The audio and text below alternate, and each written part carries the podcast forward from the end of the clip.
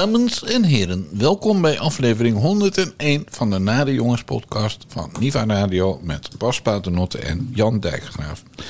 Stel dat we een jaar geleden de honderdste aflevering zouden hebben gevierd, dan waren Bas Paternotte en ik nu uit een kater aan het ontwaken een week na die honderdste aflevering. Maar Bas Paternotte zit aan de rooibos thee en ik aan de plantaardige chocomel. Dus we zijn zo, ja, zo fris als een hoentje, Bas, toch? Ja, zeker. Alcohol, tabak, zulke dingen, dat is allemaal voor verliezers. Dat bedoel ik. gewoon rooibos steeds veel beter.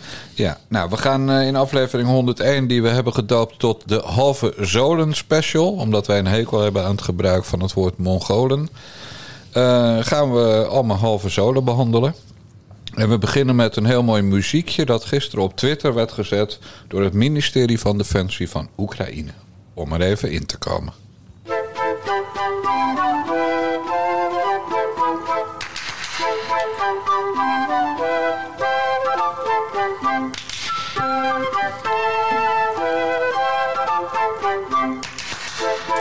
Thank you.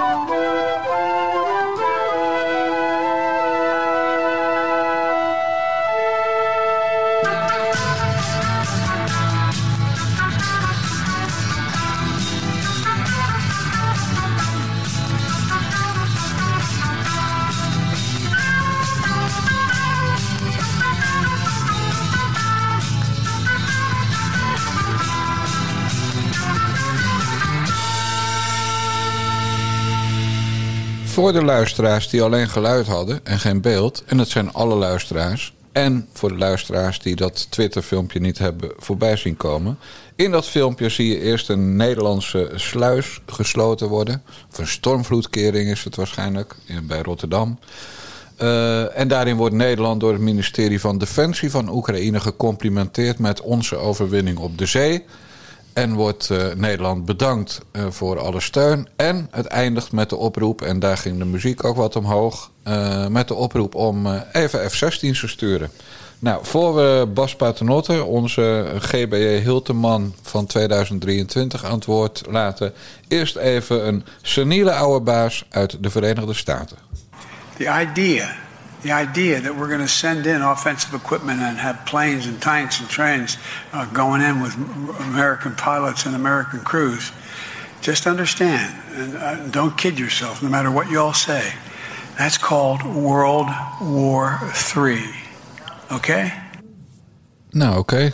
Bas. Dus, Oekraïne zegt, kom maar door met de F-16's. Wopke Hoekstra heeft daar vorige week van gezegd... onze minister van Buitenlandse Zaken, wij sluiten niks uit. Mark Rutte heeft daarover gezegd... er is nog geen officieel verzoek. En Ja. Biden zegt, zodra je offensieve shit stuurt... is Wereldoorlog 3 begonnen. Ja, ja, ja. Nou, het lijkt me sowieso dat we, dat we Biden eh, als eh, baas van de vrije westerse wereld hier maar leidend eh, in moeten laten zijn. Want als de derde wereldoorlog uitbreekt, dan zijn het ongetwijfeld Amerikanen die ons weer uit de penarie moeten halen. Voor zover dat kan als de nucleaire holocaust uitbreekt en, en we met atoomwapens op elkaar gaan gooien. Maar ja, het is, het is typisch Oekraïne. Het is rupsje nooit genoeg. En, en eh, ik, snap, ik snap de Oekraïners wel, hè. Eh, hun land is binnengevallen door, door een gestoorde idioot genaamd Vladimir Poetin. Eh, de, de oorlog die daar wordt gevoerd, die is, die is verschrikkelijk. Eh, ik kijk, ik zie iedere dag wel weer een filmpje voorbij komen eh, van hoe eh, Russische soldaten worden afgeslacht, hoe Oekraïnse soldaten worden afgeslacht. Hè, er wordt heel vaak gezegd, de Russen verliezen heel veel mensen, maar de Oekraïners verliezen ook heel veel mensen. Dit is, het is bijna, ja, dit is, het is, het is eigenlijk 20e eeuw oorlog dit. Hè. Ze vechten in loopgraven Ja. en het is dood, het is ellende en... nou ja, ik word er echt soms af en toe naar van. Eh, dus ik snap wel dat ook de Oekraïners daarvan af willen. Ja, zeker. Eh, maar ja, dat voortdurende drammen, kijk, dat werkt natuurlijk ook niet. En helemaal omdat eh, Zelensky er ook een beetje handje van heeft. eh, ook ja, de westerse wereld voor het, voor het blok te zetten en soms zelfs nepnieuws te, te verspreiden. Kijk, hier zegt hij heel duidelijk van... eh, eh, is de boodschap van... nou, we willen heel graag die F-16's hebben. Het is niet dat hij zegt van... eh, Je hebt ze beloofd. je hebt ze beloofd. Nou, maar dat heeft hij eerder wel gedaan, zulke dingen. Dat was nog voor de inval van de Russen in, in Oekraïne. Of althans, de, de, de, hè, de- dus de, dus de, de grote, grote inval vorig jaar. Eh, toen was Mark Rutte eh, nog even op bezoek in Kiev. Dus dat was nog hè, voordat het Ja. Eh, en eh, toen ging het er al over, althans, Zelensky die wilde dat heel graag, dat, dat, ze bij de, dat zijn land bij de EU zou komen. Ja. En Mark Rutte, nou, die was nog lang niet zo ver. En op een gegeven moment is dat gesprek klaar met, eh, met Rutte en Zelensky. En Mark, Mark Rutte die is op weg naar huis aan het vliegen. En toen kwam er een tweet van, van Zelensky, dat was op, op 8 maart. Eh, en die zei van, eh, ik heb Nederland eh, bedankt eh, eh, voor hun steun om eh, eh, mijn land te laten toetreden Ja. tot, eh, tot de EU. Ja, hallo. eh, meneer Zelensky. Mark Rutte heeft dat nooit gezegd. En eh, eh, ik heb, ik heb het een. eh, Je kon ook. Mark ging daarna ook weer een tweetje versturen en dergelijke. Waar er helemaal niets eh, daar, eh, daarvan in stond. En ja, verdomme, microfoon. We gaan ook een nieuwe microfoon kopen Ja. binnenkort. Want daar viel ik even weg.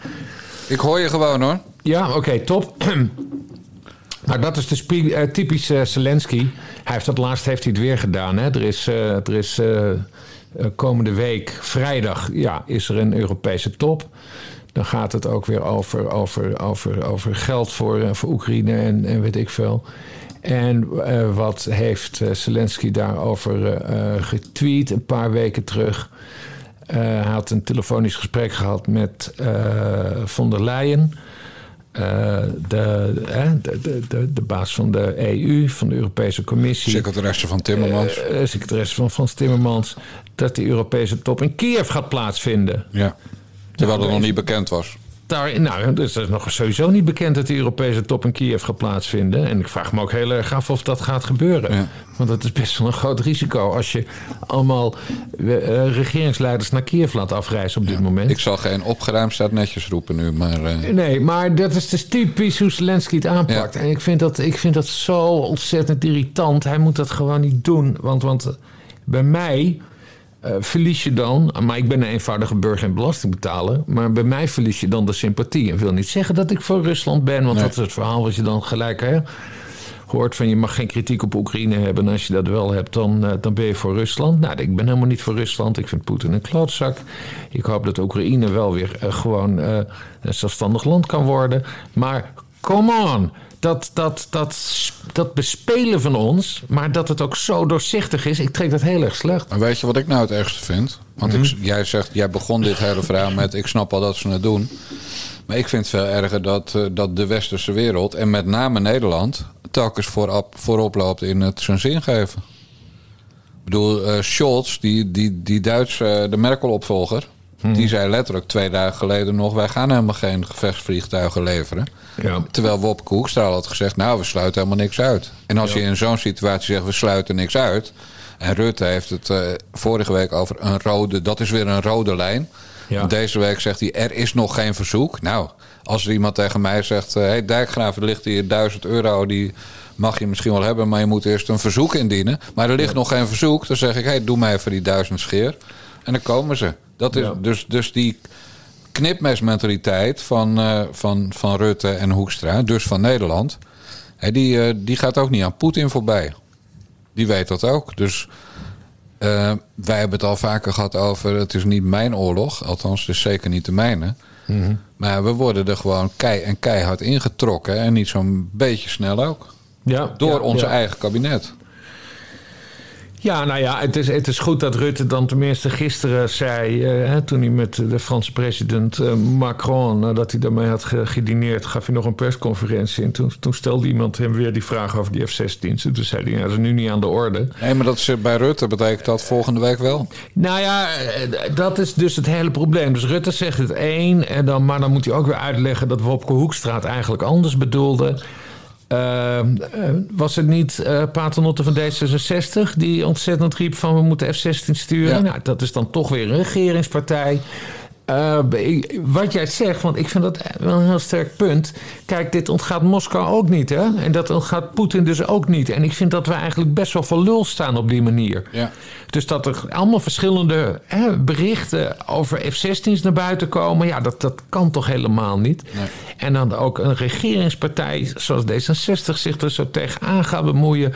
Kom op jongens, doe het nou even houd hoofd koel. Cool. Ja. En onze minister van Defensie, uh, ook van D66. Ja, ik hoop dat ze weer beter is, want die, die, is, zelfs, die, die, die is zelfs ziek. Ja, als, die, als ziek, een nachtje met, de- met de commando's, Ja. korpscommandotroep op pad is geweest. Precies. Maar die heeft dus helemaal in het begin van, eh, van die oorlog eh, een fout gemaakt. door bekend te maken welk materieel Nederland stuurde. Ja. En dat ging volgens mij over, over vesten, kogelvrije vesten, bij wijze van spreken.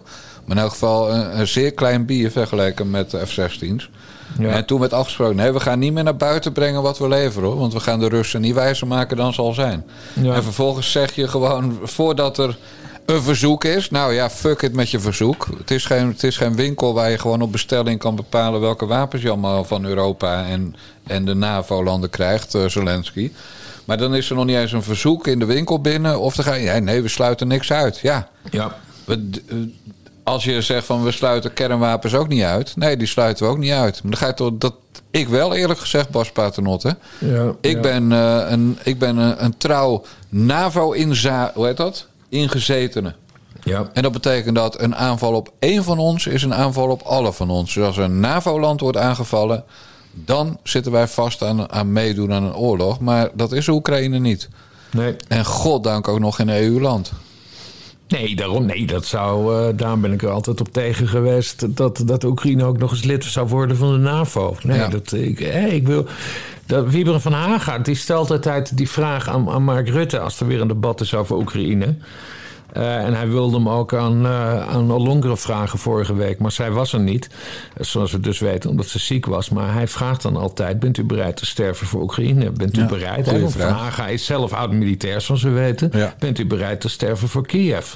Geen en antwoord. Mark Rutte is dan heel slim. Die geeft er nou geen antwoord op. Nee. Want natuurlijk wil hij dat niet. Niemand, niemand wil dood. Laat staan dat je voor Oekraïne wil sterven. Eh, en als je dat wel echt bent, dan moet je jezelf misschien even laten nakijken. Want ik geloof er namelijk geen bal van. Eh, dus het is eigenlijk een vraag die je dan niet kan beantwoorden. Maar natuurlijk weet Mark Rutte wel wat daarmee wordt bedoeld. Van in hoeverre zijn wij als Nederland bereid dit land te steunen? Ja. Nee, dat En, klopt. eh, en we zijn nu wel erg over de grens aan het gaan hoor, vind ik. Nou ja, de- grens was dus wat, wat de Biden ook zegt, inderdaad, van offensieve wapens. Ja. Maar ja, goed, nou, die tanks, die schijnen nu dan opeens niet meer heel erg offensief nee, te zijn. die zijn nu alleen verdedigend. Ja. Die zijn Ja. nu alleen maar verdedigend. Kan je alleen maar ja, andere, kogel, andere raketten mee uit de lucht schieten, maar je kan er niks mee vernielen met die tanks van ons. Nee, nee, precies. Was alleen dat dan, man. We hebben die tanks geleased. Dus ze zijn niet van ons. En dan gaan we ze kopen om ze vervolgens aan die corrupte kutstaat Oekraïne te geven. Met alle respect. Kom op, man. Ja, en we hebben, ze, we hebben ze al tanks gegeven, want we hebben al iets van 120 miljoen euro meebetaald aan die Tsjechische tanks die we hebben verkocht aan, eh, of gegeven aan, eh, aan Oekraïne. Daar zit ook Nederlands belastinggeld in. Ik heb nog nieuws voor jou trouwens, Bas. Ja, oh, vertel. Die komen allemaal niet terug na de oorlog. Nee, maar die, die, dat, dat, dat is ook. Niks allemaal- komt er terug. Dat, dat is allemaal Russische oude troepen ook, hè? Die Nee, maar daar gaat het niet om. Ik bedoel, eh, Oekraïne, hoezeer we ook tegen Poetin zijn... Oekraïne is ook een schurkenstaat. Mhm. Dus er, er wordt al gehandeld in shit en er zal gehandeld worden in shit. Of het is allemaal vernield, ook goed. Maar alles wat je levert blijft daar en niet alleen maar omdat er mee gevochten wordt. Nee, oké. Nee, Maar goed, dat terzijde. ongetwijfeld, nee, maar dat is ongetwijfeld met, met name pistoolmitrailleurs en zo. Hè, dat, is, dat is lekkere handel. Dat is spul wat je kan doorverkopen. Ja, exact. Maar goed, dat terzijde. Ja, Ik ben er gewoon helemaal klaar mee met, met hoe wij deze oorlog in worden gerommeld. Kijk, en, en jij hebt geen kinderen, maar ik heb twee kinderen die dertiger zijn. ja, Ja, die zijn gewoon nog steeds oproepbaar, hè? ja, En dat, eh, dat zint mij totaal niet. ja. Dat zint me echt totaal niet. Want eh, kijk, voor volk en vaderland willen sterven. Nou, dan ben heb je op zich ook een gaatje in je hoofd. Of je bent heel altruïstisch. Vind ik ook allemaal, allemaal tot je dienst. Eh, maar maar eh, eh, zeg maar, Nederland scoort in de EU volgens mij als een van de laagste landen qua percentage hoeveel mensen nog voor hun vaderland willen sterven. Want het voelt helemaal niet meer als ons vaderland Nee. de laatste jaren. En, en ik zeg niet dat ik zeker weet hoe dat komt, maar we gaan er zo horen. Ja, maar, nee, maar goed, maar de, de meerderheid van het land is wel weer voor de Nederlandse inzet eh, qua, ten opzichte van Oekraïne. Dus vergis je niet. Ja, als maar andere ook- andermans maar kinderen ook- zijn. Ja, maar ik weet ook hoe dat komt. Want dat komt door die vlaggetjes, hè? Oh ja. het, is een, het is een bepaald type mens. Die, die zien dan, oh, zo'n Oekraïns vlaggetje. Dan kan ik, eh, als ik dat op mijn Twitter-account plak... dan ben ik moreel eh, hoogwaardiger dan, dan, dan anderen. Ja. En hè, dat zijn diezelfde lui die dan ook eh, ze- zeggen... ja, je schrijft Kiev verkeerd. Omdat je dan eh, op op op zijn Oekraïens moet schrijven... met K-Y-I-V in plaats van K-I-E-V. Maar dat is allemaal van die, van die, van die deugen, deugenridderij van heb ik jou daar. Maar die slaat helemaal nergens op. Kijk, er is maar één ding, één ding belangrijk. En dat is, eh, die, die Russen die moeten gewoon oprotten uit Oekraïne. Dat, dat, Ja. dat staat als een paal boven water. Maar eh, wat wordt onze rol daarbij? En, en willen wij in een oorlog gerommeld worden? Nou, eh, Bas Paternotte uit Utrecht voelt er helemaal niks voor. En eh, als hij niet een zwak enkeltje had en sowieso niet te oud was en zou worden opgeroepen, dan zou hij zeggen: Nee, ik ga niet naar Oekraïne, want ik ben niet bereid om voor Kiev te sterven. Hè? Als, als iemand mij die vraag zou stellen. En ook niet voor Brussel. En ook niet voor Brussel. En nou ja, voor Nederland misschien. Voor Friesland helemaal, mocht ik in zo'n situatie terechtkomen. Voor Friesland be- ben ik wel bereid te sterven, maar, eh, maar niet, voor, niet voor Oekraïne. Eh, dus dan moet je afvragen, ja, hoe gaat zich dit dan, eh, dan uitspelen? En dat Rob de Wijk, die zegt dat altijd, hè, van Klingendaal. Ik weet zelf trouwens niet eens wat zijn, wat zijn antwoord dan is, hoe zich dit gaat uitspelen. Maar hij zegt wel altijd, je moet jezelf afvragen, hoeveel oorlog wil je hierom gaan, eh, gaan maken? En ik denk inderdaad niet dat we een, eh, op een derde wereldoorlog moeten afstevenen. Nee. Want dan, eh, dan gaat het helemaal mis. En wat je hoort te zeggen, vind ik, en daar ben ik gelukkig niet alleen in, is hoe wordt deze oorlog beëindigd? En niet hoe winnen we deze Ja, oorlog? Want Ja. dat, is een, dat is namelijk, eh, en dat zegt Rob de Wijk volgens mij ook. Maar dat zegt ook een Biden, met wie ik verder vrij weinig heb, vooral niet op zijn seniele momenten. Maar het gaat een oorlog winnen, dat moet Oekraïne. En, en, en zorgen dat die oorlog wordt beëindigd, dat moet de rest van de wereld, voor zover ze dat kan. Eh, maar, maar dat constante, die oorlogszuchtige taal. Ik bedoel, er is één Nederlandse ingezeten van wie we weten dat hij bereid is te sterven voor Oekraïne. Dus omdat hij eerder bereid was te sterven voor Afghanistan, toen hij diende, het Ja. vaderland diende in, eh, in Afghanistan. Ja. En dat is natuurlijk het D66-Kamerlid Sjoerd Wiemer Sjoerdsma. Ja, Shirt W. Shirtsman. Ja, die heeft eh, natuurlijk al zijn leven diverse keren op de waagschaal eh, gesteld toen hij eh, formuliertjes zat in te vullen op een ambassade ergens. ja. En die zou echt wel bereid zijn om het peloton aan te voeren dat bij Groningen de grens overgaat richting Kiev. Ja, en dan, eh, en dan zie je zo'n mager mannetje met, met zijn brilletje en dan Ja. in de loopgraven. En dat wordt natuurlijk helemaal niks met Shirt W. En Shirtsman. dan zegt er een Rus boe en dan rent, eh, gilt hij heel hard om. Sigrid, Sigrid, ze pesten Ja. me. Ja. Dat, oh man, ik word er zo- ongelooflijk onpasselijk van. Goed, zo. Eh, nou ja, de, de grote vraag is nu dus: wat is de oplossing? En misschien is dat dan, moeten we dat in de diploma diplomatie zoeken. En dan gaat, dit is dan een ideaal bruggetje naar een mevrouw die zometeen gaat vertellen dat zij een oorlog tussen Israël en Libanon heeft voorkomen. Nu maakt het allemaal heel ingewikkeld, dus laten we maar even gaan luisteren naar vanmiddag het vragenuurtje in de Tweede Kamer. Tony van Dijk, PVV. Ja, voorzitter, ik heb inderdaad eh, schriftelijke vragen gesteld. Want eh, we zien namelijk dat van de 6000 bankkantoren zijn er nog 400 over in 20 jaar tijd. Dus deze minister heeft gewoon zitten slapen en het laten gebeuren dat al die bankkantoren, al die bankkantoren zijn gesloten. Waardoor de menselijke maat helemaal weg is. Als je nu naar een bankkantoor wil en je wil ergens eh, 1000 euro ophalen of zo, dat bestaat niet meer, dat kan niet meer. Zelfs het bankkantoor, dat ene bankkantoor dat er nog is in Den Haag, die zegt gaan we naar de pinautomaat. Uw vraag? Met andere woorden, kan de minister garanderen dat er op, vanaf nu geen één bankfiliaal meer zal worden gesloten? En kan de minister garanderen, want er staat ook in dat artikel, dat per 1 juli de accept Giro komt te vervallen. Want dat is ook weer zo'n stap naar digitalisering. Minister. Um, ik, ik, weet niet welk artikel even. De heer Van Dijk die refereerde aan, aan vragen die hij heeft gesteld. Uh, wanneer zijn die ingediend? Zeg ik even via u. Kijk even naar de heer Van Dijk. Uh, 23 januari. Oké, okay, dan komt het antwoord daarop nog. En het tijdspad waar meneer Van Dijk het over had, dat de bankkantoren zijn gesloten, kunt u dat even voor mij herhalen? In 10, 20 jaar tijd van 6000 ja. naar 400. Oké. Okay. De laatste 20 jaar heb ik chemische wapens opgeruimd in Syrië. Oorlog voorkomen tussen Libanon en Israël. Ik heb een paar andere zaken gehad. Ik was niet in slaap gevallen, meneer Van Dijk. was ook niet minister van Financiën. Ik kom gewoon bij de schriftelijke beantwoording netjes erop terug, zoals dat gaat. Ja, nog een tweede vraag? Nou, ja. ik heb het niet over mevrouw Kaag. Ik heb het over de minister van Oh. Financiën. Oh, u zei en, deze. En er waren, Even er waren er namelijk nog een aantal voor u, Ja. Sinds 2000, die Ah. ook hebben zitten slapen. Want die hebben dit ook laten gebeuren. En kunt u nog antwoord geven op mijn vraag over de Accept Giro? Want dat zou heel fijn zijn voor heel veel mensen. De Nou, minister. ehm, de vraag of we. Ik, ik ga kijken wat eh, we kunnen doen als ministerie van Financiën. Ik wil liever, mij liever even goed laten eh, adviseren. Ik neem het in de breedte terug. En al is de vraag, als het niet onder de, onder de schriftelijke vraag van de heer Van Dijk is gesteld, dan neem ik de beantwoording daar ook op mee in de breedte van zijn vragen over geldtoegankelijkheid, inclusief eh, de Giro. Tuut, tuut, pep, pep, peppie en kokkie. Wat een achterlijk wijf, man. Nee, maar dit is toch te erg? Ja, En, en, en, en ze begon nog best wel goed, eh, zeg maar, voor dit fragment. Want ze, was zelfs even grappig. Hè? Het, het, het ging dus erover dat het, het, is, het is dus helemaal mis met de digitale betaalwereld. In de zin van dat één op de zes Nederlanders daar niet goed mee kan omgaan. ja.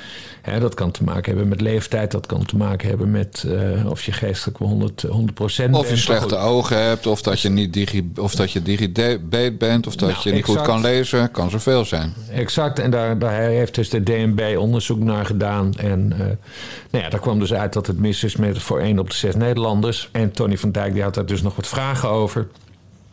Vanmiddag, ja, waaronder hoe zit het met die accept girokaarten. En hij wees dus de minister op dat, dat de bankkantoren verdwijnen. En eh, ja, en op een gegeven moment, het, het begon wel aardig. Want ze, ze, ze zei eerst, oh ja, dat wilde ik vertellen. eh, dat ze moeite heeft met de, de chatbots van de banken. En dat ze vindt dat dat beter moet. Eh, eh, omdat ze heel vaak met een chatbot aan het bankieren was, maar dat ze er totaal niet uitkwam. Toen dacht ik, hé, hey, dit is best wel een sympathieke Sigrid Kaag... die opeens Menselijk doet. iets menselijks laat zien. Ja. Eh, nou ja, en toen, en toen was het dus de beurt aan Van Dijk, Tony, om, te vra- om, om een vraag te stellen. En toen zij begon over, ja, kunt u nog even zeggen wat u bedoelde met dat tijdspad? Toen wist ik, oh oh, ze is boos, zij heeft er boos gemaakt, heeft er boos gemaakt, hij heeft er boos gemaakt. En toen, pats, toen kwam dit dus. Ja. What the fuck, kom op. De, ja, eh, ik was, bezig, ik was bezig met het opruimen van chemische wapens in Syrië... en het voorkomen van een oorlog tussen Israël en Libanon. Ja, Moeke Kaag, luister nou eens even. Je staat er als minister, je staat er niet als Sigrid Kaag... je staat er als minister van Financiën... en je bent verantwoordelijk voor het beleid van je voorgangers. Waarom moet, moet fucking eh, eh, Tony van Dijk dat aan jou uitleggen? Ja.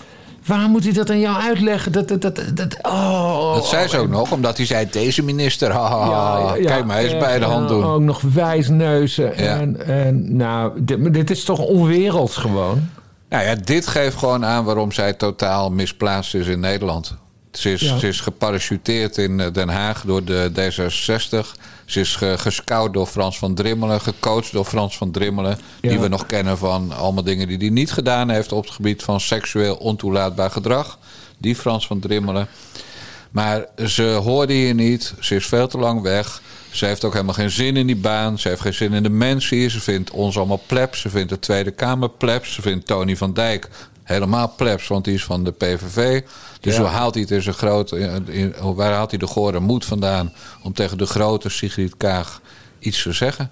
Die, die Tony, ze heeft belangrijke zaken te doen. Ja, en ze neemt het is erg persoonlijk. Want je, Ja. want je, je hoort het aan de stem. En als je de beelden erbij ziet, dat ze, wordt helemaal pinnig en boos, Ja. boos, boos, boos, boos. Mevrouw is geen kritiek gewend, Bas. Eh, ze, is, nee, maar ze is geen kritiek gewend, maar ze is dus ook helemaal niet geschikt om minister te zijn. eh, Voor, voor wat dan ook. Omdat, omdat ja, ze, ze kan het gewoon niet. En in dat opzicht heb ik het dus wel met haar te doen. Want ze had natuurlijk nooit weg moeten, weg moeten gaan bij de VN. Want dat. Kijk, dat is ook inderdaad een ander niveau. Dat is een heel ander niveau dan wat we hier in Nederland doen. Ja, zij had nu gewoon ergens in- Moldavië moeten zitten of in Roemenië of, of zo om de oorlog tussen Rusland en Oekraïne even te fixen in Nou eentje. ja, nee, maar dat bedoel ik. Dat kan ze ik. wel. Daar, daar- daarom Zegt zei- ze daarom gebruikte ik dat net als bruggetje. Ja. Want, ze- want, want ze heeft natuurlijk wel ervaring. En als ze daar e- echt iets mee wil... of wat, waar ze dat kan toepassen... dan is dat juist een conflict als waar we nu in verzeild zijn geraakt. Namelijk Oekraïne en eh, Rusland. Eh, Dus, dus och, och, och. Maar, maar ja... Dus dan aan de ene kant heb je dus begrip voor dat pinnige van haar... dat ze zo boos wordt. Of althans, ik begrijp het. Ja, maar je hebt er geen Maar aan de enkel andere begrip van. kant, dit is toch zo stuitend arrogant. En de Ja. natie kijkt mee hoor, want, want ik heb er een stukje over getikt. En Ja, straks zal iemand anders er ook een stukje over tikken. En ook heel veel media niet natuurlijk, hè? Nee, ook, eh, nee, dat niet natuurlijk. Maar, maar ja, dit is, dit is gewoon niet... Je bent minister van Financiën. Come on. En dan, en dan reageer je zo. Nee, ze is, ze is volstrekt ongeschikt voor deze Ja, positie. in de breedte ga ik het meenemen. In de breedte, Ja, volle breedte. Ja. allemaal van die kutkreten ook. Weet je waar het trouwens om ging, het onderwerp?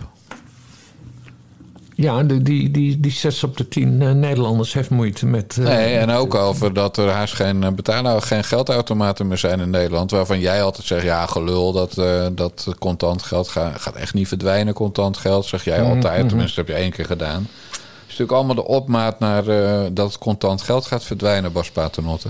Ja, nee, maar daar ging het Tony van Dijk niet om. Het ging erom dat er daar geen bank te- eh, bankkantoren tegenover staan. Zodat ja. je gewoon contant aan de, aan de balie Nee, het is eh, natuurlijk, een, het is natuurlijk in, de, in de breedte gebeurd. De banken verdwenen, ver- de kappen met allemaal filialen. De paar filia- filialen die nog... Wij hebben de laatste keer geld moeten halen. Contant geld, een paar duizend euro. We wonen in Eesterga. Nou, terecht dat er in Eesterga geen paar duizend euro gehaald kan worden. Hè? Eesterga zijn 17 huizen. Er hoeft geen bankfiliaal. Nee. Maar dan ga je naar Lemmer. Daar is geen bankfiliaal. De pinautomaat staat het ook niet zomaar toe. Hè?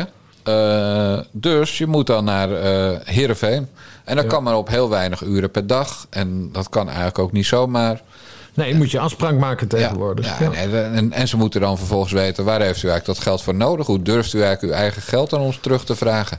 Ja. Wat een brutaliteit van u. Ja, maar dan moeten we vragen van mevrouw Kaag. En binnenkort elke overmaking, overboeking boven de 100 euro wordt gemonitord. Ja, Bas, Ja. kom op. We gaan gewoon... Ik ben geen complotdenker, dat weet je. Ik haat zelfs het complotdenken. Eh, maar ja, het gaat gewoon om de feiten. En de feiten zijn... het contant geld moet worden uitgeroeid. Het excuus is eh, witwassen voorkomen. De waarheid is eh, weten wat onze burgers doen. Ja. Dat is, dat is uiteindelijk waar het allemaal om gaat. Ik weet nog heel goed dat de bonus bij Albert Heijn kwam. De bonuskaart. Ik denk dat jij toen nog in je nikkerbokker in, in Friesland eh, bij de scouting was. Nee, maar ik weet de introductie van de bonus. Oh, daar, oké, goed. Maar, maar toen ging het over... Ja, maar dan weet Albert Heijn precies wat je koopt. En dat vonden we... Nou, ik heb nooit een bonuskaart gewild. Ik heb hem sinds vorig jaar, want ze weten nu toch alles van je. Maar, eh, maar op het moment dat je dan eh, zei... Ja, maar dan weet Albert Heijn precies wat je koopt. En dan zeiden ook mensen... En dan gaan ze straks zeggen... Ja, maar je moet niet zoveel hamburgers vreten of patat. Ja. Ja, ja da- daar zijn we dus echt niet meer ver vanaf. En dat, dat heet dan straks CO2-toeslag of eh, vervuilingstoeslag of een CO2-budget wat je krijgt. Weet ik veel onder welke kutsmoes ze het plakken. En het is allemaal geen complotdenken. Het is gewoon feitelijk wat er gebeurt. En, en het is ook niet allemaal dat het, dat het dystopisch is. Nee, het is gewoon wat in China al twintig jaar aan de gang is. Ja. Het bestaat allemaal al. Het moet alleen nog even hier geïmplementeerd worden. En corona hielp daar ook bij. Met Ja, eh, de ja, ja. QR-code. Eh, ik voel me nu echt bijna een complotdenker. En de aarde is rond, trouwens. ja, weten we dat wel zeker. Ja, dat weet ik zeker. Want ik ben er nog nooit van afgevallen. Ik ben toch op veel plekken geweest. En God bestaat ook niet. Ja, nee, maar, maar daarom echt maar. En dan moet ze dus ook nog dat beleid verdedigen. Hè? Het dat is, kan het, och, och, och. Maar ze heeft één geluk, Bas. Nou, Nou ja, al zou ze bij de Tweede Kamer op het eh spreekgestoelte schijten. Er zijn toch altijd zes partijen die zeggen... nou, doet ze goed deze minister, die mag blijven. Ja. Ja, en dat ja. zijn die vier coalitiepartijen en, en Adje Kuiken en Jesse Klaver. Ja, maar ja, Dus- goed, we, we, we gaan er sowieso toch niet meer terugzien in een, eh, in een volgende... Nee, die zekerheid hebben we denk ik wel, ja. Ja, en, Nee. ik, en ik hoop ook voor haar dat, ze, dat dit kabinet snel valt... en dat ze gewoon, gewoon weer naar de VN kan. Want volgens mij is het ook echt gewoon op haar plaats. En, maar ze zet zichzelf en haar partij zo ontzettend voor lul. Ja. Het, het is gewoon een... Dit, eh, ik ga nog één keer zeggen. Het, het is gewoon een gesprek over bankkantoren... En hoe sommige mensen gewoon de moeite mee hebben met pinnen en met digitaal overmaken. En dan begint ze over, over chemische wapens in Syrië en oorlog tussen Israël en Libanon. Ze, ze, ze heeft zelf niet eens door, vermoed ik, wat, hoe dat overkomt. Dat is voor haar volstrekt normaal om zo te ja. reageren. Nee, maar dat heeft ze ook echt niet door. Ja. Weet je, weet je wat... weet- het is natuurlijk zielig voor ons allemaal, hè, dat ze er zit. Ja. Maar het is natuurlijk het meest zielig voor meneer Ananas. Of uh, Al- Alkak. Ja. ja. daar is de, die man die, die, die doet het hier dus al 30 jaar mee. Nou, maar ja. Althans, voor de wet. Nee, maar ik vraag me af of ze thuis zo is. Ja. volgens- voor- nee, maar volgens mij is het thuis niet zo. Want, want ze hebben toch ook panden overal over de wereld. Vier En- panden minimaal. Ik bedoel, dat, dit is een vrouw die volgens mij de hele leven uit een, uit een koffer leeft. En die, die, die het prettig vindt om op pad te zijn. En, en ondertussen heeft ze ook kinderen met die alkak gemaakt. Vier stuks qua Ze- ecologische footprint. Ze, ze, ze heeft gelogen over haar huwelijk eh, eh, toen ze voor het ministerie van Buitenlandse Zaken werkte. Absoluut. En toen heeft ze gelogen over die huwelijk, waardoor ze haar security clearance is kwijtgeraakt. Eh, eh, wat echt heel erg pijnlijk is als je Nederlandse diplomaat bent, als je security clearance kwijt- kwijtraakt. Maar dat heeft ze dus gedaan voor die man. Dus dat is echte liefde. En ze hebben kinderen. En, en volgens mij, ik, ik vind dat niet iets om haar op, op, op, te, op, op te hoeven aanvallen. En, en, en volgens mij heeft zij een hartstikke leuk gezin.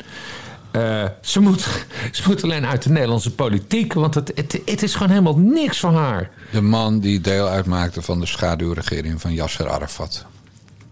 Ja, dat ook. En Yasser ja. Arafat, die de leider was van een... Ja, maar hoef je mij niet te Oh, vertellen. Nee, ja, dan moet, maar de luisteraars wel. Voor mensen medelijden met die man gaan krijgen. We moeten wel medelijden met hem hebben, maar omdat hij met het wijf is. Ja, Maar, maar die man die deugde ook voor geen meter. En zij deugde niet omdat ze als diplomaat die clearance inderdaad behield... door dat huwelijk te Ja, verzwijgen. maar goed, mijn, mijn, mijn punt is dus dat ik ervan uitga dat ze heel erg veel van elkaar houden. Anders, eh, anders had, ze, had ze niet. eh, Weet je wie ook van iemand heel veel hield? ja, Eva Brown. ja, oké. Ja, toch? Zeg toch allemaal niks, man. Echt, ik probeer het een keer aardig. Ja, dat hoeft helemaal niet. Over, over, Ik vind het al heel aardig dat, dat ik je- dat moet zeggen. Nee, Dat jij, gewoon- het is hartstikke aardig dat jij haar toewenst dat ze na deze kutklus, waar ze helemaal geen zin in heeft, gewoon even de oorlog tussen Ru- Rusland en Oekraïne mag gaan managen ja, namens de VN. Nou, dat jij denkt van, nou, dat kan ze wel. Dan zijn we er vanaf. Ja. Dat, dat is toch hartstikke lief van jou dat je er zo hoog hebt zitten. ja, precies. Want over wat ze allemaal in de Palestijnse omgeving heeft gedaan, daar zijn de meningen ook wel een beetje over verdeeld. Er was niet Ja. alleen maar Hosanna in Nederland over. Ja, nee, dat, dat zijn weer die, die subsidies. Dat eh, verhaal gaan we niet over doen. Nee, daar gaan we niet over. Ja. We gaan, eh, we gaan eh, andere vullers bespreken.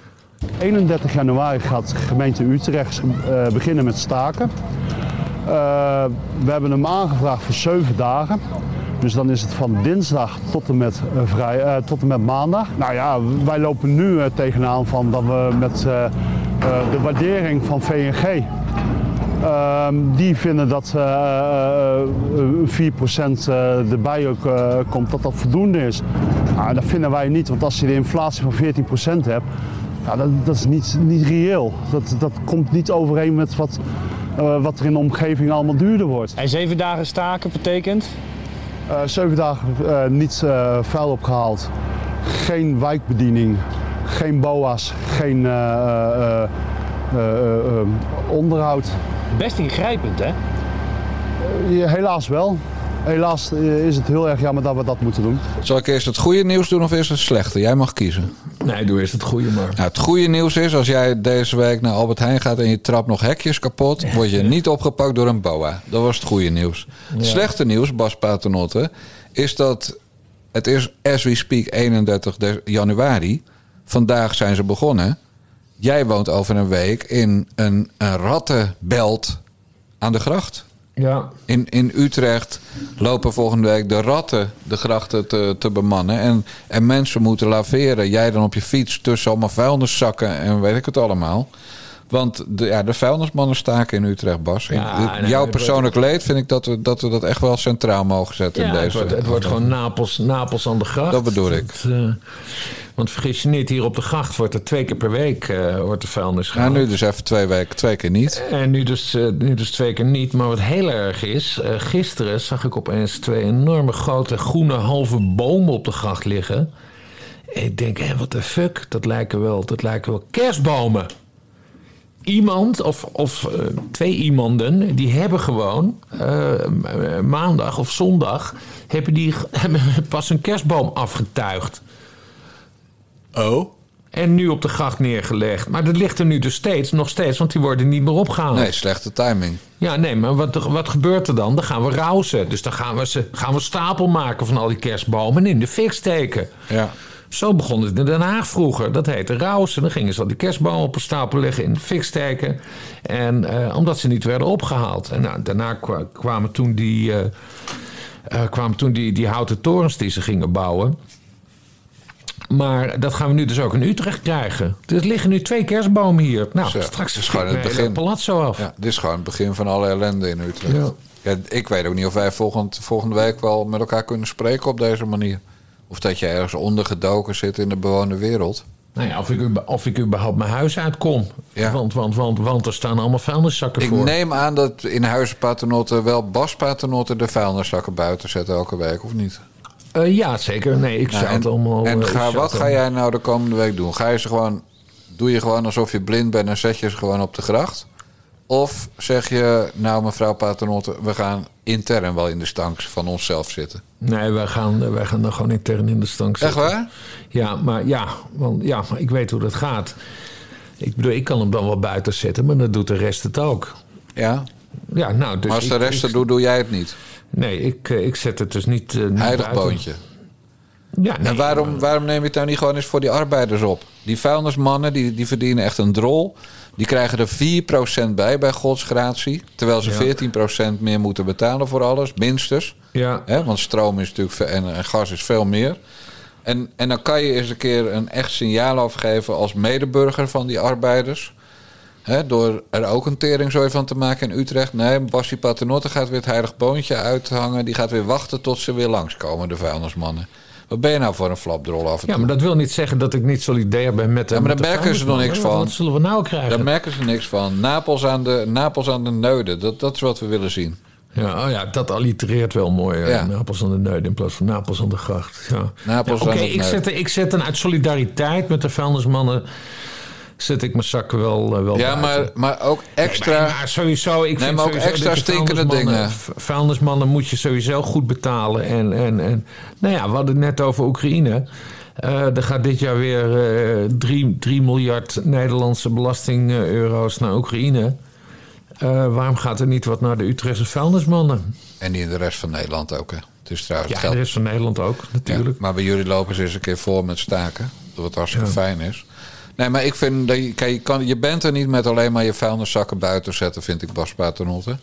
Ik, ik neem aan dat jullie een raam hebben dat open kan. Ik vind gewoon van boven naar beneden neerdonderen. Dat, dat die vuilniszak lekker uit elkaar spat. Ja. Dat, dat de mayonaise en de ketchup en de knoflooksaus poe- eh, kwakken gewoon op de straat eh, donderen aan die gracht. Het moet gewoon één vieze, vuile rattenbende worden daar in Utrecht. Ja, maar dat wordt het sowieso wel. Want we hebben hier op de gracht hebben we altijd. eh, we hebben hier sowieso heel veel ratten, maar we hebben ook meeuwen. Dus een, eh, een vuilniszak die iets te lang ligt, die eh, blijft liggen, die gaat absoluut open hoor. Je kan ze helpen, die beesten. geen enkel probleem. Bas, je bent lid van de Partij voor de Dieren, volgens mij. ja. Help die beesten. Zelf die zak opensnijden, dan naar beneden flikkeren. Dat alles zo hup, lekker zich verspreidt op de straat. En, en roep ook je buren op. Je hebt vast nog wel een buurtbarbecue de komende dagen. Nou, roep alle buren op. Jongens, zo hoog mogelijk die zak naar buiten flikkeren. Zelf alvast een gat erin maken. Alles, die grachten moeten gewoon helemaal vol liggen, Bas. En, en, en die sloten ook. Want eh, grachten zijn gewoon vieze stinksloten die je daar allemaal hebt. Ga nou eens een keer, kom nou eens een keer voor de minder bedeelde mensen op. Adje Kuiken doet het niet hoor, Bas Paternotte. Oh man, ja, nou, we gaan het, eh, we gaan het zien. Nee, we gaan het ik Ga doen. niet, ik ga niet, nee, ik ga niet vuilniszakken uit het raam vind, gooien en nee, zo. ik vind het zo laf. Hè. Als je een klein beetje conflictje hebt, dan, dan trap je in winkels gewoon hekjes kapot. Ja. En kan je nou eens een keer echt opkomen voor zeg maar, de Bas van de Arbeid zijn, de BVDA zijn. Gewoon niet doen. Nee, gewoon niet doen. Nee, toch weer het vuilniszakje netjes binnenhouden. Oh nee, Dijkgraaf, als jij dat zegt, nee, dan breng ik hem wel netjes buiten hoor. Ja, Ja, dan ga je zeker alles nog eens plat trappen ook. Dat, dat, dat het allemaal klein is. En dan dubbele zakken, dat ze niet kapot geprikt worden door de meeuwen. Alleen maar omdat je Sharon Dijksma een lekker wijf vindt. Oh, ik ga hier helemaal niks meer over zeggen. Nee, dan niet. Vuile mogol. We gaan door met het volgende. Eh, Down Entertainment. Eh, dat zijn programma's waarin mensen met het syndroom van Down aan deelnemen. Vaak heel lief en schattig, gaat mij ook aan het hart. Maar er is ook kritiek. Begin deze week kwam Arjen Lubach met een aanklacht tegen televisieprogramma's waarin mensen met het syndroom van Down de hoofdrol spelen. Volgens Arjen lijkt het nu alsof mensen met Down alleen maar blij en gelukkig zijn. En daarom zijn die programma's zo stom. Het is nu echt alleen maar entertainment en het gaat nauwelijks meer over de keerzijde van het hebben van Down. Down Entertainment is de laatste jaren een succesvol televisiegenre geworden. Duidelijk? Duidelijk. Oké, high five. Cool. Tot vriend. Nu is de serie Down the Road op tv, waarin Gordon mensen met Down-syndroom leert hun grenzen te verleggen. Oh, Wat een schade heb je aangericht. Je hebt de camera overreden. In zijn enthousiasme riep Gordon in drie verschillende talkshows... Hadden we allemaal maar een beetje down. Dan zag de wereld er een stuk beter uit. Die uitspraak viel niet goed bij ouders en begeleiders van mensen met down. Moeten we stoppen met down entertainment? Ja, dat is eh, de vraag waar we het nu over eh, gaan hebben. Dit is wel zo meta. Dit, dit is ongeveer vergelijkbaar. Hè? Aan wie heb jij nou echt een pleurishekel? Hugo de Jonge. Dit is eigenlijk vergelijkbaar aan Bas Paternotte... die een, re- een rent houdt over Hugo de Jonge... hè, waar de echte honden geen brood van lusten. En dan aan het eind van, eh, van het ritje vraagt... eh, mo- moeten we eigenlijk geen einde maken aan dat bestje van Hugo de Jonge? Ja. Of Jan Dijkgraaf die, die Sigrid Kaag echt helemaal afbrandt tot op de bodem. En, en dan zeggen, moeten we eigenlijk niet eh, mensen die Sigrid Kaag valselijk beschuldigen van allemaal dingen opsluiten of naar Siberië sturen en dat ze gewoon daar nooit meer terugkomen en lekker doodgaan in, van de kou. Ja, ja. Johnny de Mol, de uitvinder van de Down Entertainment of Downtertainment of hoe het heet. De man die als eerste heel veel Mongolen misbruikte voor de kijkcijfers. Gaat Gordon aanvallen over, ja, over de band, hè, want hij doet eigenlijk gewoon Arjen Lubach na. Omdat Gordon grappen maakt met downers. ja. Echt Bas, ik kan het niet uitleggen. Hoe hoe dit nou weer kan allemaal. En waarom dit allemaal weer moet. ja. Ja, jij hebt ik- zelf een beetje... Nou, ik heb, ik, ik heb al die programma's heb ik dus nooit gezien. Dus, dus ik snap ook niet zo goed waarom Johnny de Mol weer boos is op Gordon. Niet boos, hij wil dat anderen boos zijn op Gordon. Ja, Want zelf is hij net zo'n... zo'n ja, ik moet de alliteratie doen. Mongolenmisbruiker als Gordon dat is. Ze maken een programmaatje. Ze gebruiken daar mensen met het syndroom van Down voor. En ze gebruiken niet de, de, de mensen die echt verstand van, van een baby hebben. Eh, dus die amper kunnen praten en of amper kunnen staan of heel veel handicaps hebben. Nee, ze gebruiken zeg maar de upper class onder de downers. Eh, en dat zijn de, laten we dan maar even zeggen, de leuke, ja, sorry, ik zeg de leuke Mongolen, de intelligente relatief Mongolen. ja. En goh, daar gaan we eens leuke tv mee maken. Maar dat, dat Gordon en Johnny de Mol doen precies hetzelfde. En, Ja. en de vraag is, moet je dat doen? Nou, wel of niet. Maar je gaat toch als, als je daar jarenlang op je, je roem voor een deel aan te danken hebt... zoals Johnny de Mol, ga je toch niet Gordon erop aanpakken... dat hij nu hetzelfde doet als jij hebt gedaan? Kom Ja. nou toch. Maar ik begrijp dat Johnny zich dan moreel ietsje hoger voelt dan Gordon. Daar komt het op neer. Omdat Gordon heeft gezegd, hadden we allemaal maar, hadden we allemaal maar iets. eh, nou, dus Gordon doet, die maakt één domme opmerking. Maar die, die lui die in Gordons programma zitten, die hebben het net zo zin naar hun zin als de lui die in Johnny de Mol zijn programma zaten. Maar omdat de heilige Lubach er weer iets van vindt, die vindt het allemaal weer schandalig. Nou, dan moet even Gordon afgezeken worden. Nota bene bij SBS, waar die onder contract staat. Ja. ik, pardon, ik raak even geëmotioneerd. Nee, maar ik verslik me even. Ehm, eh, ik heb zelf veel ervaring met, eh, met mongoloïde mensen. Ik heb op, de, op mijn middelbare schooltijd heb ik gewerkt op een instelling voor geestelijk eh, gehandicapten in Friesland. Hè, waar ze woonden in paviljoens. En ik stond er in de spoelkeuken. En ik, Beesterswaag? Eh, ja, precies. Borneoord heette dat. Ik weet niet of het nog bestaat. Eh, en ik deed er ook het vervoer. We reden dan in die gave spijkstaalwagentjes. Die had, had de gemeente vroeger ook. Een soort elektrische vrachtwagentjes. En daar ging altijd eten in.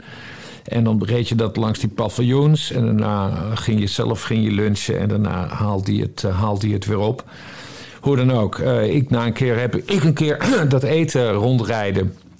Ik keer terug naar het hoofdkwartier om zelf te gaan lunchen. Eh, en zet mijn spijkstaalwagentje dus eh, op het parkeerterrein, zeg maar, hè, voor die keuken. Eh, en daarna, eh, na, na de lunch, ga, ik, ga ik weer rijden en hoor opeens allemaal gerommel achterin. Dus ik zet dat spijkstaalwagentje stil. Ik doe de klep omlaag. En toen zat er een Mongool in een rolstoel in.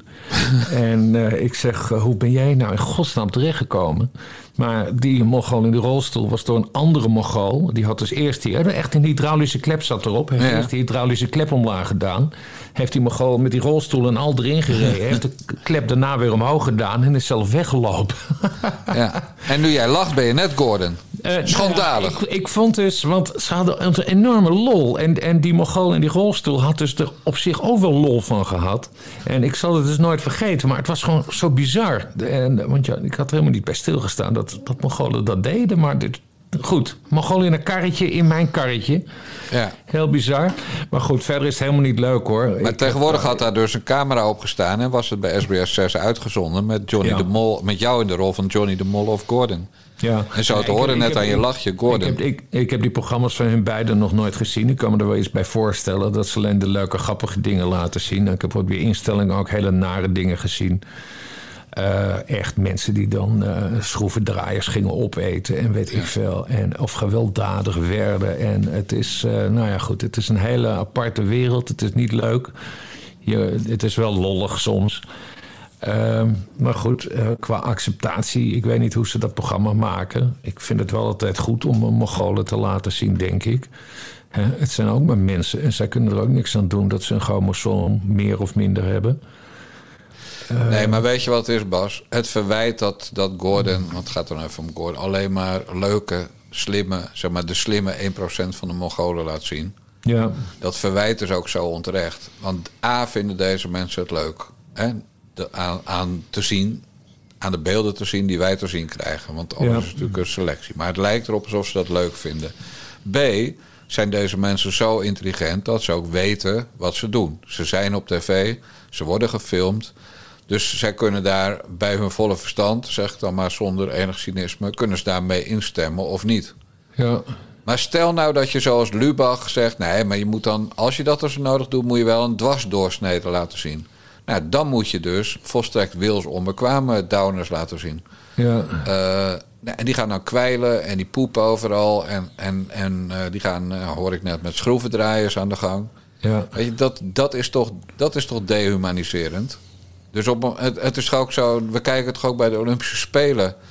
eh, minder naar de Olympische Spelen, de Paralympics voor gehandicapten dan naar de gewone Olympische Spelen. Ja. Maar we kijken al helemaal niet naar de Olympische Spelen van volstrekt, volstrekt talentloze, vieze, vuile, dikke, Asja ten Broeke-achtige figuren die aan polstok hoogspringen gaan doen of zo. Nee. Nee, waarom niet? Omdat je de top van de sport wil laten zien. En dat Ja. geldt ook binnen de gehandicapte sport. Dat zijn de Ja. toppers die je te zien krijgt. Dus het is toch volkomen logisch dat als je een programma maakt over downers... en, en ja, dan pak je gewoon de leukste voor tv.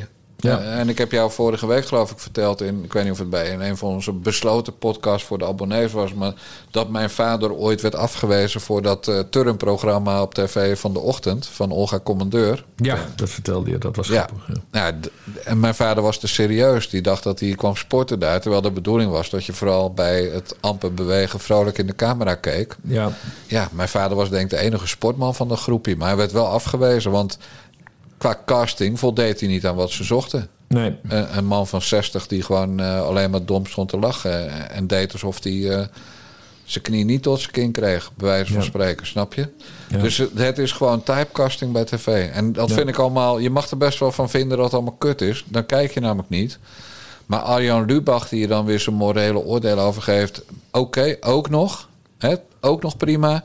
Maar Johnny de Mol de man die het genre in Nederland groot heeft gemaakt, die dan dit gaat bespreken, zodat iedereen lekker weer op Gordon kan kankeren. Ja, Vroeger had ik dat getrokken, Bas Paternotte, maar tegenwoordig niet meer. En daar heb ik ook een hele goede reden voor.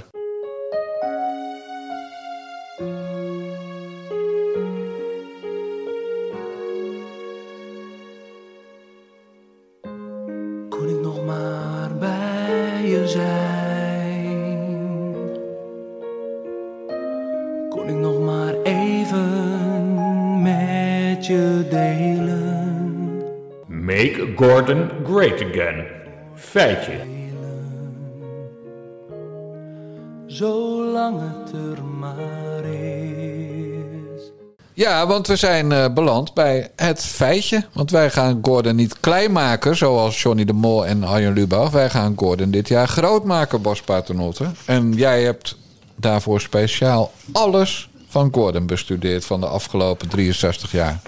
Nou ja, eh, ik, ik, was dus, ik, ik lees dus dat boek over, eh, over Gordon. En we hadden het dus net over Johnny de Mol. Maar toevallig was ik net eh, bezig met het hoofdstuk Gordon en zijn vriendschappen. De Vriend noemt, heet, het, heet het hoofdstuk. Waarin ja, Gordon uitweidt over hoe belangrijk vriendschap voor hem is. En hij is dus heel goed bevriend met John de Mol. Senior. Senior. Zegt hij. Ja, en nou ja, dat wil ik wel geloven. Ja, nee, we geloven waarom alles waarom zou Gordon liegt nooit. liegen? Ik bedoel, John de Mol is een van de grote tv-mannen. Nou, Gordon, een van de grootste volkszangers en presentatoren die we ooit hebben gehad. Eh, maar goed, en ik moet echt een leesbril gaan kopen. Dus de bril die gaat nu af. Want wat viel mij op... eh, Gordon vertelt dat John de Mol op een gegeven moment 60 jaar oud wordt. En hij nodigt dan wat van zijn beste vrienden uit voor een tripje naar Rome. Ja. En toen mocht Gordon niet mee. Oh, fijne vriend. Dat snapte ik oprecht niet. Ook omdat Jeroen van der Boom wel mee was. Jezus Christus, John, ik ken je al zo lang en dan ga je hem meenemen naar Rome? Godverdomme, waarom vraag je mij niet? Dat heeft mij zo geraakt. Nou ja, het is typisch Gordon natuurlijk, omdat hij, eh, omdat hij die kan helemaal niet goed met die Jeroen van der Boom. Hè. Daar heeft hij heel kort samen met, bij de toppers gezeten. En toen ging Gordon weg en, en, en, en sindsdien vindt Jeroen van der Boom maar een, maar een eikel. Eh, maar ja, ik, ik vind dat toch wel mooi van Gordon hoor. Hij is, hij is heel, heel gevoelig, merk je dan. Hij zegt ook, ja, mijn hemel John, waarom doe je zo? Je ziet het hem gewoon appen. Ja. Of misschien de voicemail inspreken van John, want die neemt, die neemt natuurlijk eh, niet op. Eh, Gordon zegt ook dat hij al jaren bij John de Mol over, de vloer komt. Eh, dat zijn vader, dus dat is dan John de Mol senior, die leeft niet meer. Die zat in de jury van een van de eerste talentenjachten waarin, waarin ik werd ontdekt. We maakten de mooiste programma's samen. Dus nee, dat was dus een heel groot, groot drama voor Gordon. En, eh, maar wat vindt John de Mol ervan? Dus die ging op een gegeven moment toch maar terugbellen naar al die Ja. eh, dramatische sms'jes en, en weet ik veel. En toen zei John de Mol tegen Gordon: eh, je, moet dat, je moet dat niet zo zien. Ik ben daar met een heel select groepje mensen en dat had je helemaal niet leuk gevonden. ja, ik vind, dat, ik vind dat dan ook niet zo subtiel van John de Mol eigenlijk. En dat vond Gordon ook niet, want hij zegt dan: ja, sorry, maar dat vond ik een heel dom antwoord. Ik kan wel voor mezelf eh, beslissen. Ja. En, eh, maar goed, eh, Gordon is wel een man van het compromismodel. Dus hij heeft het later weer, weer goed gemaakt met, met John de Mol. Maar ja, toch wel pijnlijk hoor. Dat, dat zijn boezemvriend John de Mol hem dan niet mee wil hebben naar Rome. Die, die, terwijl het toch echt een stad is voor Gordon. Voor cultuur en geschiedenis en, en, en prachtige omgeving. En, en, en culinair ook heel interessant. Ja. hoe zou Gordon zich daar in godsnaam moeten misdragen? Ik En ook vlakbij, ja, en, en vlakbij eh, zeg maar, de plekken waar de, de maffia zit. Dus qua koken en zo zit je ook goed. Ja, ja. Maar, eh, ik, ik vind dat Gordon wel een punt heeft hoor. Kijk, als John de Mol nou zegt... ik was alleen met Linda en haar man... en Johnny Ja. en zijn vriendin van dienst... en, Ja. en mijn ex Willeke... Eh, en Willeke mocht ook de dochter meenemen. En mijn vrouw Els. Eh, als hij dat nou allemaal had gezegd... Oké, maar select gezelschap benoemen... en dan wel Jeroen van de Boom... Ja, dat begrijp ik eerlijk gezegd ook niet op, Bas. Nee, maar het is, ook, het is ook heel dom. Want ik kan me zo voorstellen dat dat, dat in dat wereldje gaat er natuurlijk rond. Van, oh, ik ben met John... eh ik Ja. mag John zeggen. Ik ben met John in Rome geweest. Ja, natuurlijk komt dat bij Gordon terecht, idiot. Ik bedoel... Dus nee, ik vind het heel gemeen voor, eh, voor Gordon. Ja. En, eh, Hij heeft John de Mol het later wel goed gemaakt, hè? Maar dat staat misschien nog niet in dat boek, omdat dat boek toen al uit was. Maar Gordon is natuurlijk een paar jaar geleden wel de rechterhand van John de Mol geworden. Oh ja, hoe zat dat alweer? Ja, en hij, hij ging toen op een gegeven moment over van RTL naar SBS. Of Ja. naar Talpa. Voor heel veel centjes. En toen, eh, toen zat hij bij De Wereld Draait Door. Of bij Op 1. Maar ik dacht De Wereld Draait Door. En dan zat hij echt te vertellen van... Ja, ik, ik ga niet alleen programma's daar doen. Want hij was toen natuurlijk best succesvol. Vooral met Joling samen. Ik ga niet alleen programma's doen. Nee, ik ga ook John helpen. En, en eh, hij ging eigenlijk gewoon Talpa samen met John de Mol groot maken. Mooi toch? Ja, hij werd echt, hij, voor mij viel toen ook het woord rechterhand. Eh, dus dat hij de, ja, terwijl de waarheid natuurlijk was dat John de Mol zag hoeveel kijken, wat de kijkcijfers waren bij RTL. En dacht, ja, als ik die Gordon gewoon koop, dan gaan mijn kijkcijfers omhoog en die van RTL omlaag. Dus dat lijkt mij een goede deal. Maar dat maakte Gordon ook weer zo groot. Ja. Dus echt net alsof hij ja, de creative director en het grote brein van Talpa ging worden, omdat eh, John de Mol hem had gekocht. Terwijl de waarheid natuurlijk is dat hij sindsdien eh, helemaal geen rechterhand van John de Mol is geworden. Helemaal geen creatieve input had. En programma's maakt waar steeds minder mensen naar kijken. Ja. Dus, dus wij zijn, en vooral jij hè, al- als, eh, eh, ja, als, als grote vriend van, van Gordon. Ja, wij zijn gewoon nodig om die jongen niet. We zeggen wel, we maken hem groot. Maar het, het is ook een beetje, hou hem uit de goot. Ja. Ja, nou, ik vind het vooral fascinerend aan, aan, aan, aan dit hoofdstuk... eh, dat je ziet hoe hard dat Ja, tv-wereldje zou is. Gordon nooit doen dit. Nee, want hij is namelijk nog een keer niet uitgenodigd voor een leuk tripje. In dit geval een tripje naar Las Vegas. Winston uh, Gastanovic, die ging eh, trouwen met Renate Verbaan, heet ze. Ja, ja, ik ken ze. En eh, eh, dus dat werd een vrijgezellenfeest. En, eh, en toen moest Gordon op tv zien dat het vrijgezellenfeest dus in Las Vegas was. Oh, En dat hij zich afvroeg, ja maar waar is Gordon? Want hij was niet eens uitgenodigd. Ja. Dus, toen, dus toen heeft hij ook woedend, beschrijft hij dan, heeft hij Winston eh, Kastanovic heeft hij, gebeld. En dan, en, dan, en dan zegt Kastanovic tegen hem, eh, ja Gordon, Renate had liever niet dat je meeging, want die weet hoe je bent. Maar ik vind het ook wel een beetje dom van Gordon, eh, Bas. Want we weten natuurlijk dat hij nu met alles gestopt is. Maar in die tijd, ja, eh, als je iemand met een witte neus zag, dan heette die Gordon. Zoveel Ja. poedering eraan. Ja. En, en als je dan naar Las Vegas gaat, dan moet je toch vliegen of naar Rome. Dus dan moet je toch eh, op Schiphol, ook al is het dan met een privéjet van, van John eh, of van uh, Gastanovic. Je, je moet toch eh, door de security check. En, en, en er zijn toch honden die zeggen: nou, ja, je mag wel wat bij je hebben als bekende Nederlander. Maar een kilootje koken is toch een beetje te veel, meneer Reukerhof. Een hele cover vol, ja. Ja, dus ik denk dat, dat, eh, dat Renate Verbaan gewoon dacht... ja, ik wil niet aangehouden worden omdat een van onze gasten... eh, zeg maar, in plaats van talkpoeder eh, kook eh, in, Ja. in die verpakking heeft zitten. Dat lijkt mij veel meer voor de hand liggen. Dat, en dat ze dat ook bedoelen met, ik weet... Kijk, nu is hij natuurlijk clean. Hij, hij drinkt niet meer, hij heeft geen psoriasis meer... hij heeft geen reuma meer. Nee. Hij, hij heeft niet weer een nieuwe liefde van zijn leven elke week. Hij, als hij op wereldreis gaat, dan is hij na drie weken alweer terug. Maar dan gaat, blijft hij echt een jaar weg. Hij heeft niet van die hondjes met van die platgeslagen neusjes... die geen adem kunnen halen. Nee, nu is hij gewoon... Nu, nu is Gordon gewoon ja, een soort voorbeeld voor ons allemaal aan het worden. Maar dat, dat was hij toen niet, laten we eerlijk zijn. Hij Ja. heeft ook slechte tijden gehad. Ja. Maar ik ben echt heel blij met jouw initiatief van in december dat, we, dat wij hem groot gaan maken. Wat me wel een beetje tegenvalt, laat ik maar eerlijk zijn, is de wederkerigheid. Ben jij al gebeld door hem? Met Nee, dankjewel Bas. Nee, maar dat, dat, dat, dat, dat gaan we heel rustig, rustig opbouwen. En op een gegeven moment ga ik hem wat tapes sturen. Eh, van, hey Gordon, Bas Paternotte hier. Eh, je bent al nu een paar weken onderwerp van onze, onze podcast. Ik heb Onze het voor achter elkaar gezet. Eh, nou, dan, kan, dan kan hij het even beluisteren. Een beetje in de, in de vibe komen. En ach, ik zit hier nog te bla. Ik ga nog, ik ga nog één ding erover vertellen, want het is zo ontzettend grappig, hè? En, hij zegt dus wat hem tegenstaat in dat wereldje, dat zijn die, die fake vriendschappen. Ga maar lekker door met je fake vriendschappen. Aan mijn lijf geen polonaise. Ik hoef dat niet. Ik wil het niet meer. En dan zegt hij echt twee regels daarvoor. Zegt hij, eh, eh, types als die zogenaamde toppers, hè? Die slaan elkaar ondertussen gewoon de hersens in. Er is me verteld dat Jeroen van der Boom zelfs aan de hartbewaking lag... omdat hij het gedrag van René Vroger niet meer aankon.